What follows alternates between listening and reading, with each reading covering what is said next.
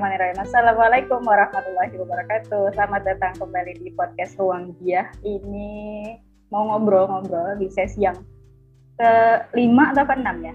Ya pokoknya antara itulah ya. Aku mengundang seseorang yang mungkin dari profesinya bagi sebagian orang eh, luar biasa gitu ya. Tapi dari sini aku mau belajar gimana seorang yang tampak di orang lain itu luar biasa dari sisi pribadinya tuh kayak gimana sih ya hari ini aku mengundang seorang uh, dokter muda di daerah Kuningan yang dinasnya di Cirebon betul ya? Nah betul, betul. beliau adalah udah kedengeran suaranya. Beliau adalah uh, seorang dokter muda ya masih intra tapi bisa kita panggil dokter ya. Bisa konsultasi juga alhamdulillah. Uh, beliau adalah Maisa Fatarani. Assalamualaikum dokter. Waalaikumsalam warahmatullahi wabarakatuh Mbak Jia. Alhamdulillah ya, finally. Setelah sekian lama ini podcast tidak diisi, jadi hari ini kita langsung mendatangkan orang luar biasa, insya Allah bisa kita belajar dan tanpa berpanjang kalam. Silahkan uh, Maisa memperkenalkan diri. Siapakah seorang Maisa itu? Aduh, oke okay, Mbak Jia. Jadi ini merupakan sebuah apa ya? Ini bisa dibilang kehormatan sih. Waduh, diundang sama Mbak Jia tuh kehormatan banget karena Mbak Jia jauh lebih keren gitu teman-teman sebenarnya. Ya, jadi nama aku Maitza Fatarani. Sebenarnya panggilannya Rani, cuman karena itu banyak banget ya. Jadi dipanggilnya di sini Maitza aja. Aku sekarang kegiatannya internship di Cirebon gitu. Uh, kalau untuk uh, dokternya sih udah lulus gitu. Makanya tadi Mbak Jia bilang udah bisa dipanggil dokter ya karena memang sudah lulus cuman masih harus ada magang dulu satu tahun. Dan aku domisilinya kuningan uh, cuman kerjanya aja yang di Cirebon gitu. Jadi aku PP sekarang aktivitasnya itu sampai bulan November depan Insya Allah nanti setelah itu selesai dan bisa kerja kerja sendiri gitu ya. Oke, berarti abis masa magang November 2021 ini ya, berarti udah bisa iya kerja sendiri kerja sendiri dalam artian eh, apakah itu nanti ke rumah sakit atau ke puskesmas atau malah buka klinik? Eh kalau buka klinik udah bisa belum sih? Bisa kalau udah selesai internship tuh bisa mbak. Oh. jadi pilihannya bebas. Maksudnya bisa kerja sendiri tuh pilihannya bebas. Karena kalau internship ini kan aku harus ngikutin dari Kemenkes ya dari KIDI yang mengelola internship inilah gitu. Itu harus uh, di rumah sakit mana atau di puskesmas mana gitu. Tapi kalau nanti mau kerja sendiri sih bebas mau rumah sakitnya mau ngambil di daerah mana sesuka kamu, terus mau di puskesmas atau bahkan mau di klinik aja atau bikin klinik sendiri terserah gitu. Jadi cuman ini kewajiban aja sih uh, apa internship yang satu tahun ini gitu. Abis itu bebas. Mantap mantap. Nah kalau Maisa sendiri rencananya dari internship ini mau ke mana? Kan bebas tuh. Nah bebasnya Maisa tuh mau ke mana? Hmm, kalau aku sendiri pengennya kerjanya di puskesmas sih ya Mbak. Puskesmas atau mungkin kalau misalnya belum dapat kerja di puskesmas bisa di klinik-klinik dulu kayak gitu.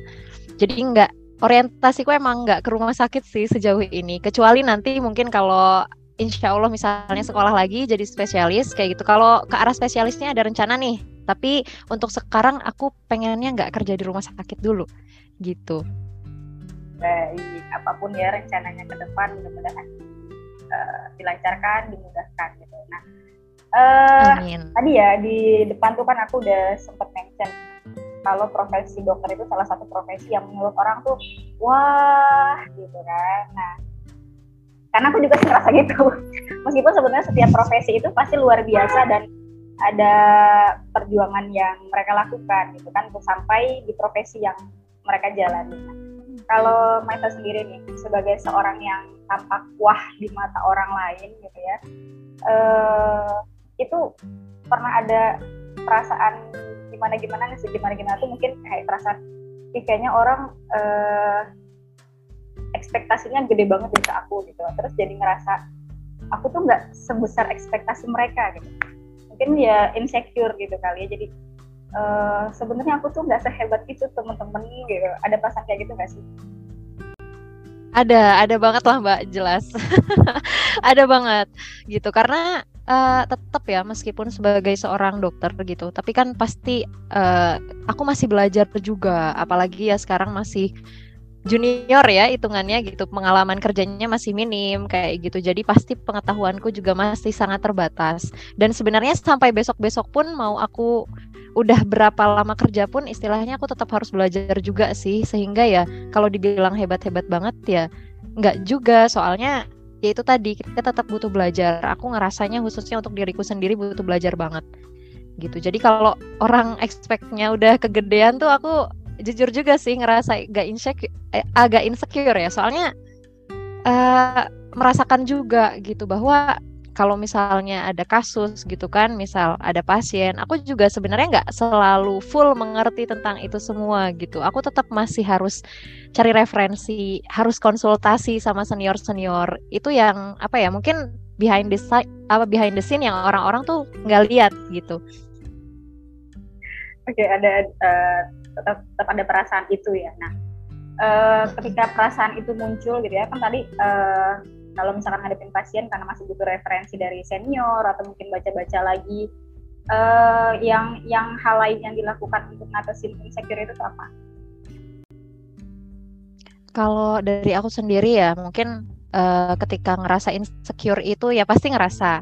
Cuman untuk nggak lama-lama di dalam insecure-nya itu sih yang terutama jadi fokus aku karena kalau misalnya diterus-terusin emang insecure-nya nih bisa bikin nggak gerak ke mana-mana ya gitu. Karena misal aku ngerasa aku belum banyak pengalaman gitu. Terus aku misal jadi malah menghindari apa ya menghindari kritik orang atau menghindari uh, untuk menghadapi konflik kayak gitu. Nah itu malah jadinya ya aku nggak ke mana-mana gitu. Aku akan tetap berada di dalam insecureku.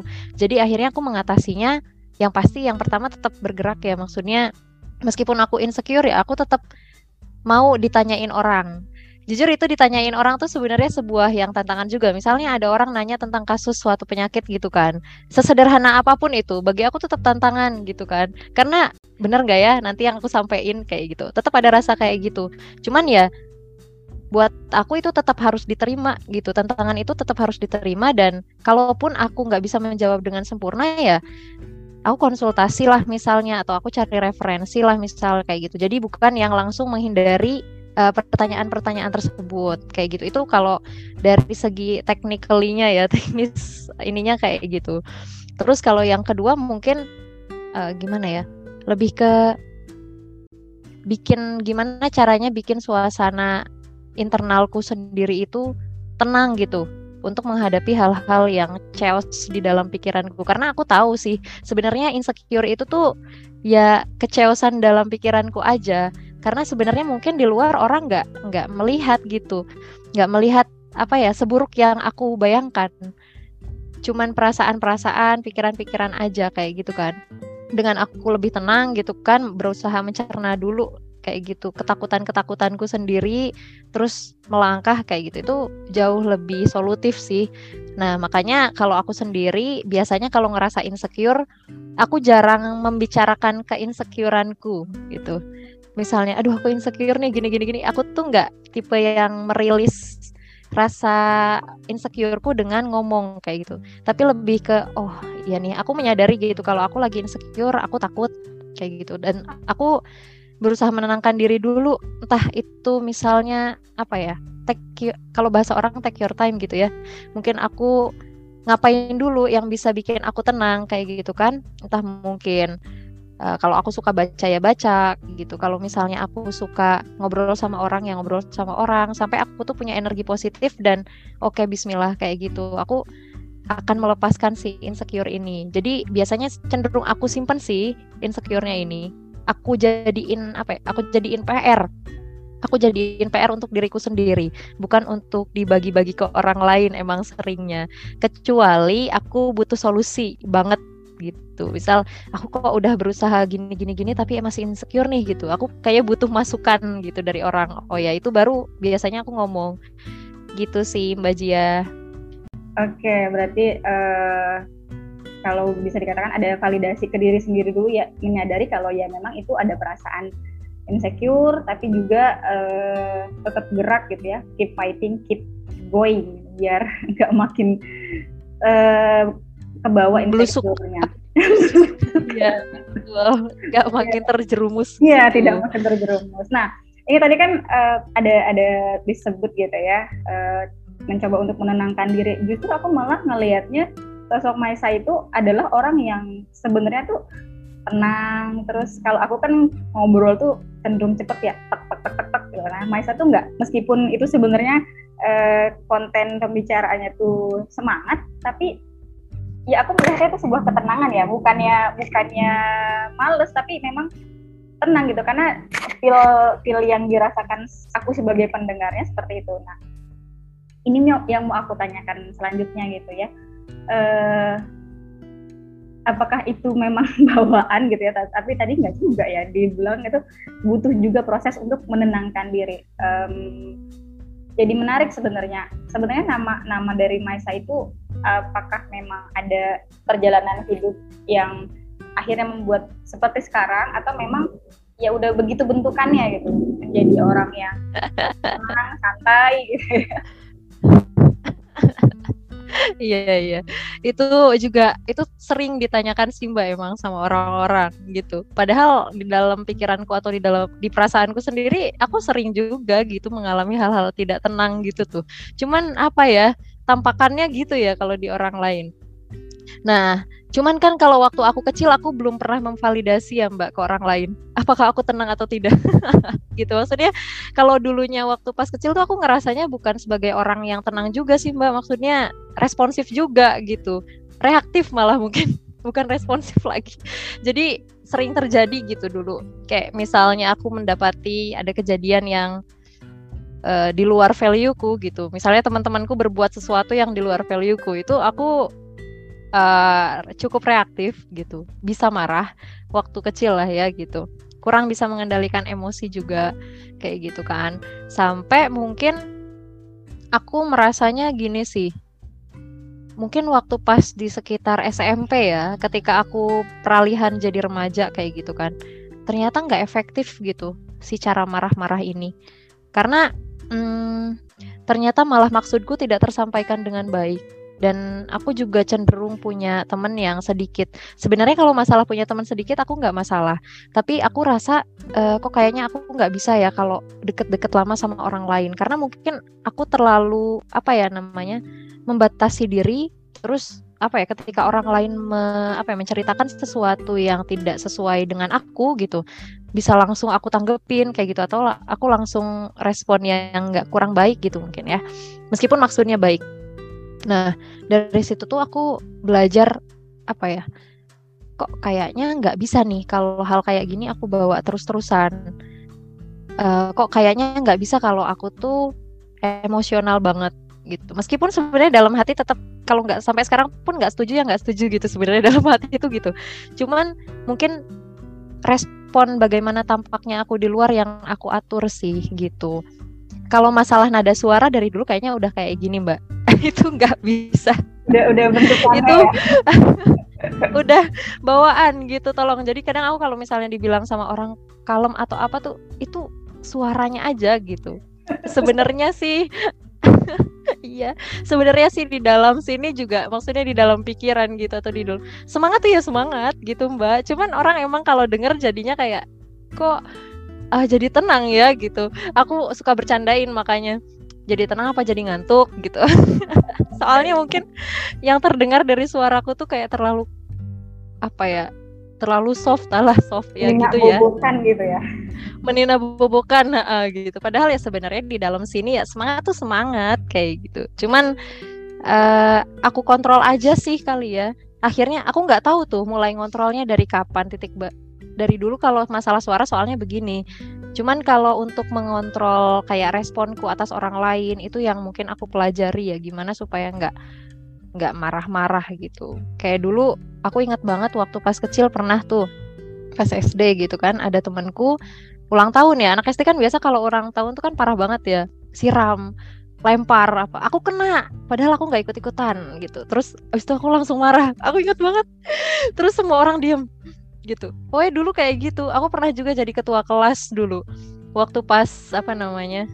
SD kelas 5 apa 4 ya. itu wah galak banget sih aku jadi ketua kelas habis itu nggak kepilih lagi ya wajar siapa yang suka dimarah-marahin terus tiap piket iya terus tiap piket nggak piket aku tarik eh kamu piket dulu gitu dan itu dulu aku wah, kayak gitu banget gitu sampai sekarang aku belajar lebih soft aja meskipun aku nggak setuju dengan tindakan itu gitu kan. Misalnya ada temanku yang pernah masalah sholat sih uh, udah mepet nih udah peralihan waktu sholat berikutnya gitu kan.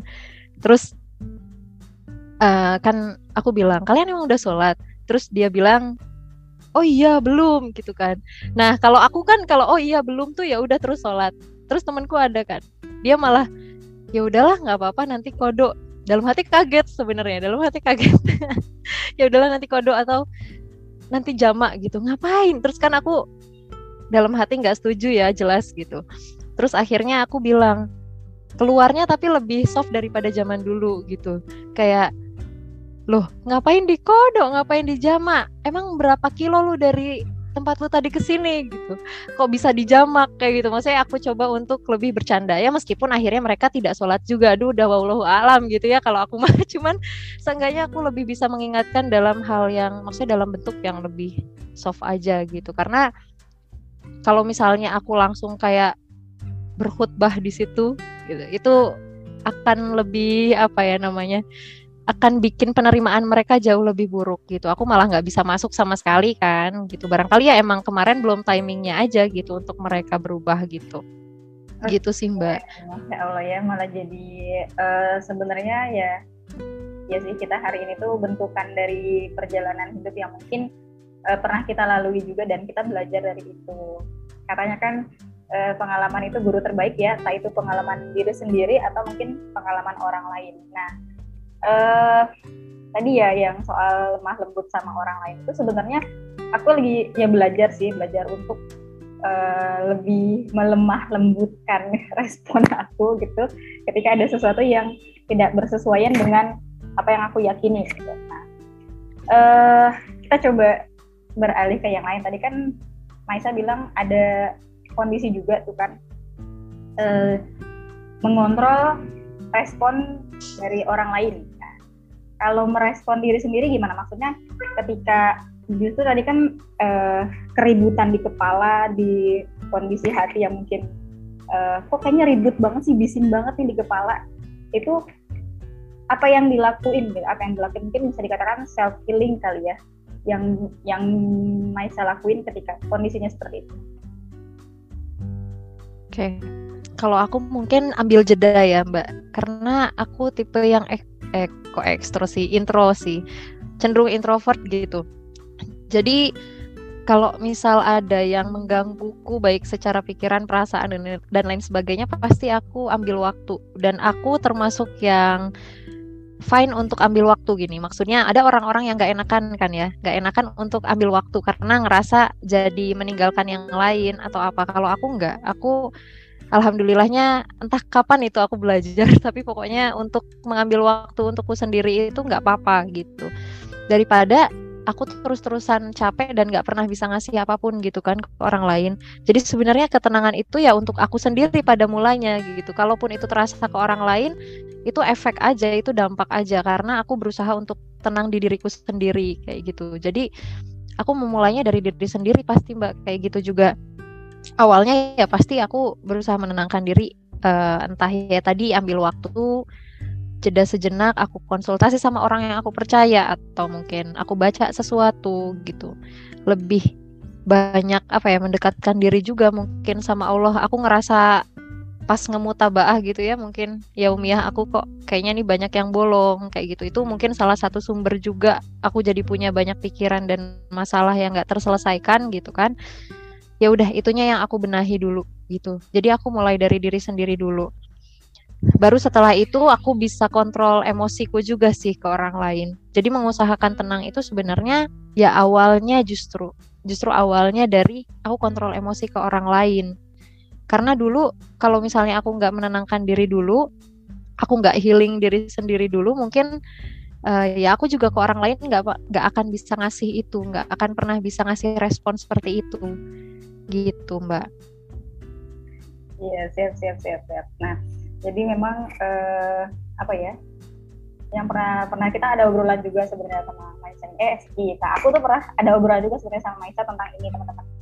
Uh, waktu itu ada sebuah segmen jadi memang self awarenessnya dari Maisa itu yang uh, diduluin gitu ya diduluin supaya bisa uh, ngelola emosi ketika berhadapan dengan orang lain. Nah, uh, kalau yang kesenangan gitu ya, kan biasanya orang kalau lagi emosi jadi pengen melakukan kesenangan atau ya hobi atau yang ngebikin uh, dia jadi ngerasa lebih baik gitu. Tadi kan mengambil jeda. Nah, yang dilakukan seorang Maisa ketika mengambil jeda itu selain tadi uh, tentunya minta ketenangan sama Allah gitu ya yang praktikal tuh ada nggak sih dan apa kalau itu mungkin banyak uh, banyak. Hal yang aku suka itu sebenarnya aku kok ngerasanya banyak ya.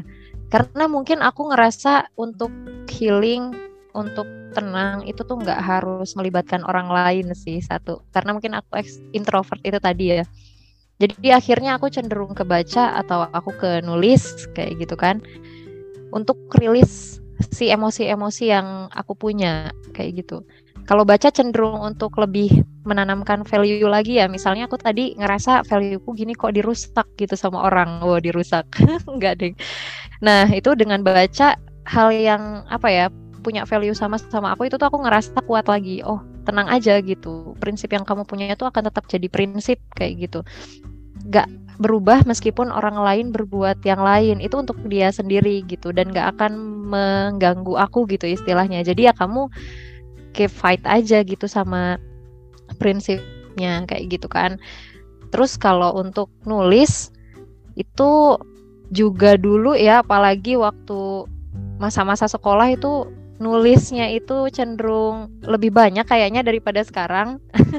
Tapi juga lebih tidak terstruktur daripada sekarang karena mungkin ini yang dialami oleh semua orang diary ya sama. Saya juga adalah orang yang menulis hal seperti itu gitu. Karena dulu kan lucu aja gitu ya kalau misalnya aku kan karena pada dasarnya tadi suka baca ya terus aku kalau baca cerita cerita anak gitu tuh ada tuh misalnya ceritanya si anak ini apa kesel dia nulis di, di diary. Jadi itu bukan arahan orang tua atau apa ya udah aku jadi mengumpulkan uang jajan pengen beli ah buku diary yang bagus gitu. Terus aku nulis nulis sendiri. Aku masih ingat tuh ada tulisan tulisanku karena aku nyasar di Jogja waktu itu pas masih kecil tuh aku tulis terus habis itu aku merasa kesel sama temen aku tulis gitu. Malah sekarang kayaknya udah jarang nulis yang kayak gitu. Sekarang kalau nulis lebih di apa ya diolah sendiri dulu. Diolah dikontemplasikan sendiri. Oh kejadian-kejadian yang aku dapetin tuh kayak gini kayak gini loh. Terus disambungkan dengan value yang aku punya. Terus mungkin masukan dari orang lain gitu ya. Dari webinar-webinar yang aku dapatkan gitu atau apa. Dari deep talk deep talk yang dapat didapatkan gitu Nah, itu baru diproduksilah menjadi sebuah tulisan. Jadi kalau misalnya aku menulis dengan judul misalnya kemarin aku sempat tuh nulis di Tumblr tentang zona nyaman. Bukan berarti aku tuh juga udah pandai mengatur si zona nyaman dan zona ketakutanku bukan, tapi lebih ke aku punya ketakutan kayak gini, orang lain juga gitu. Terus ternyata uh, ada loh caranya untuk gimana kita supaya tetap nyaman gitu meskipun tidak pada zona nyaman kita kayak gitu. Dan itu baru aku produksi jadi suatu tulisan. Jatuhnya kayak gitu. Kalau dulu ya emosi emosi gitu. Marah sama teman marah deh di diary kayak gitu.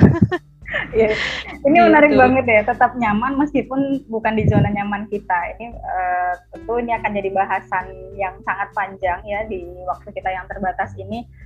Uh, berarti salah satu baca nulis sesuatu sekali ya baca dan nulis. Karena ada sebuah uh, statement yang pernah aku dapat ya. Uh, kamu membaca kamu menulis. Kalaupun kamu menulis tapi kamu tidak membaca maka tulisanmu akan jelek. Jadi ini mungkin bisa jadi aku malah jadi ngerasa uh, refleksi ke diri aku sendiri gitu ya. Jadi mungkin kalau tulisan kita jelek karena kita jarang membaca. Oke okay, teman-teman tentang membaca ini uh, nanti teman-teman bisa uh, baca tulisannya Maisa di blognya ya. Nanti aku sertakan. Lo di... ada endorse. ya. Nah ini karena waktunya kita sebentar ya, tidak perlu lama-lama. Karena aku udah dapet uh, yang nanti mau aku highlight di deskripsi podcast hari ini. Nah, yang terakhir nih Maisa, uh, dari yang tadi ya, dari perasaan insecure, dari bagaimana seorang Maisa itu mengelola emosi, uh, boleh tahu nggak sih apa sebenarnya hmm, apa ya goals besar gitu ya yang yang menjadikan semangat seorang Maisa uh, banyak berkontemplasi juga belajar dari pengalaman hidup orang lain terus tadi ya direfleksikan diri, diri sendiri juga yang mungkin uh, itu pengen banget dicapai gitu. Goals ya, goals jangka panjang gitu ya Mbak ya mungkin. Uh, kalau dari aku goalsnya kayaknya sama sebenarnya dengan setiap orang gitu. Pasti setiap orang pengen jadi bermanfaat gitu kan untuk orang lain. Karena pasti ya kalau muslim punya patokannya dari ini ya, dari hadis Nabi gitu. Bahwa sebaik-baik manusia adalah yang bermanfaat gitu kan bagi manusia lain. Mungkin uh, dari situ gitu. Sebenarnya bukan dari dulu juga aku menyadari tentang harus bermanfaat dengan orang lain sih. Baru-baru ini juga, maksudnya baru mungkin pas kuliah ya aku menyadari, oh iya harus bermanfaat buat orang lain kayak gitu. Tapi ya uh, mungkin proses-prosesnya, alhamdulillah sudah berjalan dari jauh sebelum aku mengenal konsep bermanfaat dari orang dengan orang pada orang lain. Nah, kalau untuk bermanfaatnya seperti apa? Nah, aku tuh uh, apa ya merasa gini sih aku tuh bukan orang yang mungkin menonjol banget kayak gitu di luar aku bukan orang yang bisa jadi kayak influencer terus habis gitu semua orang jadi tertarik dengan apa yang aku ucapkan apa yang aku sampaikan gitu. Tapi aku pengen uh, ketika apa ya deket sama orang atau aku bersosialisasi sama orang orang bisa mengambil kebaikan dari aku entah apa pun itu gitu ya. Semoga yang jelek-jeleknya sih dibuang aja ya gitu. Cuman yang baik-baiknya semoga bisa diambil. Sebenarnya nggak muluk-muluk sih mbak kayak gitu. Kalau secara spesifiknya ya banyak ya. Misal aku besok ingin jadi seorang dokter spesialis tapi nggak terlalu sibuk nih spesialisasinya kenapa karena aku punya perencanaan lain gitu jadi biasanya kalau misalnya orang lain tanya sama aku gitu, aku pengen jadi spesialis apa? Gitu. Terus aku jawab nih, aku kan pengennya jadi spesialis patologi klinik gitu ya. Ini sekalian aku ngomong di podcast biar didoain orang. nah, aku pengen pengennya jadi patologi klinik gitu. Nanti orang nanya, loh itu kan kerjanya di lab kamu nggak suka emang sosialisasi sama orang oh enggak sih. Aku suka sosialisasi sama orang gitu. Karena biasanya gitu mbak. Cenderung stereotipnya adalah kalau dokter yang ngambil kerjaannya itu di lab di radiologi atau di apa itu kesannya nggak nggak suka berhubungan sama orang. Sukanya lebih berhubungan sama alat-alat gitu. Padahal aku enggak sebenarnya jauh lebih suka berhubungan sama orang lain. Cuman aku mengambil tujuan itu gitu, tujuan si patologi klinik itu justru supaya waktuku bisa lebih banyak untuk orang lain gitu. Karena spesialis patologi klinik ini dia nggak harus kayak misalnya selalu ini ya, selalu controlling pasiennya yang benar-benar datang atau ready ke rumah sakit setiap waktu gitu tuh enggak. Jadi secara kerjaan itu lebih santai emang kayak gitu. Nah, justru dengan waktu yang lebih santai itu di kerjaanku aku pengen bisa jadi yang lain juga. Misalnya aku pengen bisa jadi dosen. Nggak harus tuh jadi dosen di univ yang gede gitu kan di kota besar. Enggak tapi bisa misalnya di kota kecil kan juga ada ya. Misalnya stikes uh, apa sekolah tinggi kesehatan kayak gitu. Itu biasanya tetap ada apa ya namanya panggilan untuk dokter kayak gitu buat ngajar. Atau untuk sekolah-sekolah ya. Pokoknya nggak harus univ besar kayak gitu terus aku pengen bisa banyak karena aku suka baca aku suka nulis aku juga pengen meluangkan waktu untuk itu kayak gitu kan. Amin amin kalau misalnya suatu saat bisa bikin buku sendiri gitu kan. Terus amin juga kalau misalnya di masa depan aku bisa banyak punya buku dan bisa membagikan itu untuk orang lain juga kebermanfaatannya.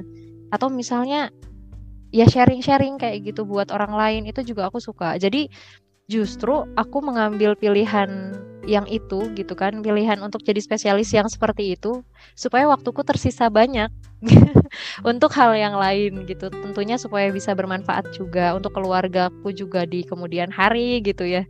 Gitu sih mbak kira-kira. Wow masya allah. Super sekali ya. Jadi justru malah uh, bukan logika terbalik sih sebenarnya teman-teman tapi lebih karena ya tadi ya pelajaran dan pengalaman hidup. Loh, logika terbalik itu tulisanku, Mbak. Wah Mbak Jia emang stalkingnya nggak kaleng-kaleng. Iya jadi logika terbalik maksudnya gini. Ini yang uh, yang juga jadi daya tarik aku akhirnya mengundang seorang Maisa gitu. Jadi Iya betul dari tulisan-tulisannya itu aku menangkap gitu kan bagaimana seorang Maisa itu justru mengambil dari sudut pandang yang tidak lazim dimiliki oleh oleh kebanyakan tidak orang. lazim. Gitu. Jadi justru malah tidak sesuai dengan apa yang dia diamini oleh kebanyakan orang gitu. Jadi uh, bisa dikatakan aku masih jarang menemukan orang yang uh, seperti Maisa melihat uh, sisi lain dari sesuatu gitu ya dari dari sudut pandang yang lain gitu. Makanya akhirnya memutuskan untuk oh ini orang kayaknya perlu diundang deh nih gitu. Oke, okay. uh, eh, karena waktunya sudah mau habis ya. Uh, terima kasih banget udah meluangkan waktunya untuk uh, ngobrol-ngobrol bareng di podcastku dan mudah-mudahan ini jadi inspirasi dan mendatangkan kebaikan juga kebermanfaatan buat kita semua. Kita belajar dari uh, perjalanan hidup dan cerita Maisa gitu ya dan tentunya ini akan jadi uh, tambahan referensi buat teman-teman yang mungkin mau apa ya menemukan uh, semangat hidupnya gitu ya di tengah perasaan-perasaan insecure dan lain sebagainya mudah-mudahan itu tidak menghentikan langkah kita untuk terus bergerak karena kalau insecure itu terus kita uh, biarkan dan kita nggak gerak ke mana-mana ya wassalam gitu ya jadi mendingan kita gerak nggak apa-apa dikit-dikit aja, pelan-pelan aja. Oke, Maisa sekali lagi terima kasih. Semoga Allah mudahkan dan Allah berkahi segala niat baiknya, juga harapan-harapannya. Amin. Dan sampai ketemu lagi di episode Ruang Jia yang lainnya. Assalamualaikum warahmatullahi wabarakatuh. Waalaikumsalam warahmatullahi wabarakatuh.